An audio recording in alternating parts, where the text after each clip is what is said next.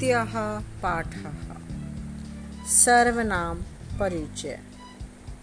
सर्वनाम शब्दों का प्रयोग संज्ञा शब्दों के स्थान पर किया जाता है। जैसे राम जाता है, इस वाक्य में राम संज्ञा शब्द है। वह जाता है। राम के स्थान पर हमने वह का प्रयोग किया। वह शब्द आपका सर्वनाम शब्द कहलाता है। अब हम आगे बढ़ते हैं बच्चों। सर्वनाम परिचय में सबसे पहले हम प्रथम पुरुष का प्रयोग देखते हैं, जिसके अंदर हम पहले पुल्लिंग शब्द लेंगे। तत्। तत् सर्वनाम शब्द है। पुल्लिंग सह वह, तौ वे दो ते वे सब। तत् का अब हम स्त्रीलिंग लेंगे। सा वह लड़की, ते वे दो लड़की, ताहा वे सब लड़की। एतत का पुरलिंग लेंगे अब एशाह यह बालक एतौ ये दो बालक एते ये सब बालक। अब स्त्रीलिंग लेते हैं। एशाह यह बालिका एते ये दो बालिकाएँ एताह ये सब बालिकाएँ।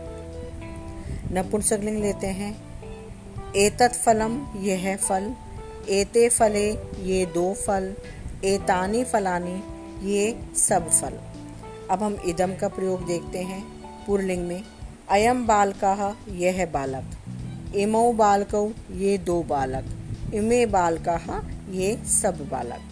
स्त्रीलिंग में इयम बालिका, यह बालिका। इमे बालिके, ये दो बालिकाएँ। इमाहा बालिका ये सब बालिकाएँ। अब आगे बढ़ते हैं किम सर्वनाम की ओर। किम का पुरलिंग में कहा, कौन बालक? कौ बालकौ, कौन दो बालक? के बाल कहा कौन सब बालक? अब स्त्रीलिंग देखते हैं। का बालिका, कौन बालिका? के बालिके, कौन दो बालिकाएँ? काहा बालिका कौन सब बालिकाएँ?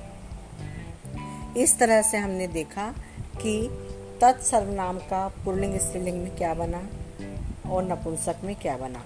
ए तत् का पुरलिंग स्त्रीलिंग नपुंसकलिंग देखा इदम का इसी तरह से देखा, पुरलिंग स्त्रीलिंग और नपुंसकलिंग और किम का। अब थोड़ा आगे बढ़ते हैं। मध्यम पुरुष का इसमें परिचय दिया गया है। थोड़ा सा उसे समझते हैं। जो मध्यम पुरुष है, वह हमारा होता है श्रोता, यानी कि जो सुनने वाला होता है, उसे हम मध्यम पुरुष के नाम से जानते हैं। तुवम तुम, युवाम तुम दो, यूयम तुम सब। तुआम तुमको, युवाम तुम दो को, युष्मान तुम सबको उत्तम पुरुष सर्वनाम शब्द, अहम, मैं, आवाम, हम दो, वयम, हम सब। माम, मुझको, आवाम, हम दो को, असमान, हम सबको अब हम इस पाठ के अंतर्गत संज्ञा शब्दों के साथ सर्वनाम का प्रयोग देखेंगे वाक्यों के साथ। सह, कहा, वह कौन है? ईशा मयूर, यह मोर है। अयम मयूर, यह मोर है। एतौ, कौ, ये दो कौन है? एतौ, मयूरौ, ये दो मोर हैं। इमो, मयूरौ, ये दो मोर हैं।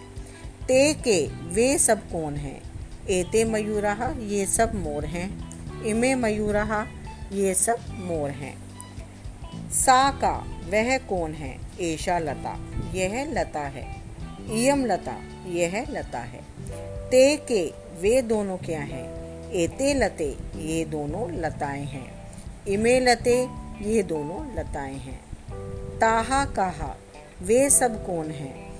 एताहा लताहा, ये सब लताएँ हैं। इमाहा लताहा ये सब लताएँ हैं। तत्किम वह क्या है? एतत् गृहम, यह घर है। इदम गृहम, यह घर है। ते के, वे दोनों क्या हैं? एते गृह, ये दोनों घर हैं। इमे गृह, ये दोनों घर हैं। तानी कानी, वे सब क्या हैं? तानी, एतानी गृहानी, ये सब घर हैं। इमानी, गृहानी, ये सब घर हैं। बच्चों, एतत और इदम शब्द जो सर्वनाम का हमने प्रयोग किया है, दोनों का अर्थ ही यह होता है। तो आप इस बात से बिल्कुल परेशान ना होए कि दोनों का अर्थ क्या है। और मैम, इसका भी तो कृपया करके आपको बस ये ध्यान रखना है कि ये दोनों पर्यायवाची शब्द हैं। एतत का मतलब भी यह होता है और इदम का भी यह होता है। तो इस तरह से बच्चे आप लोग अभ्यास करेंगे। इस पाठ में हमने प्रथम पुरुष का अध्ययन किया। धन्यवाद बच्चों।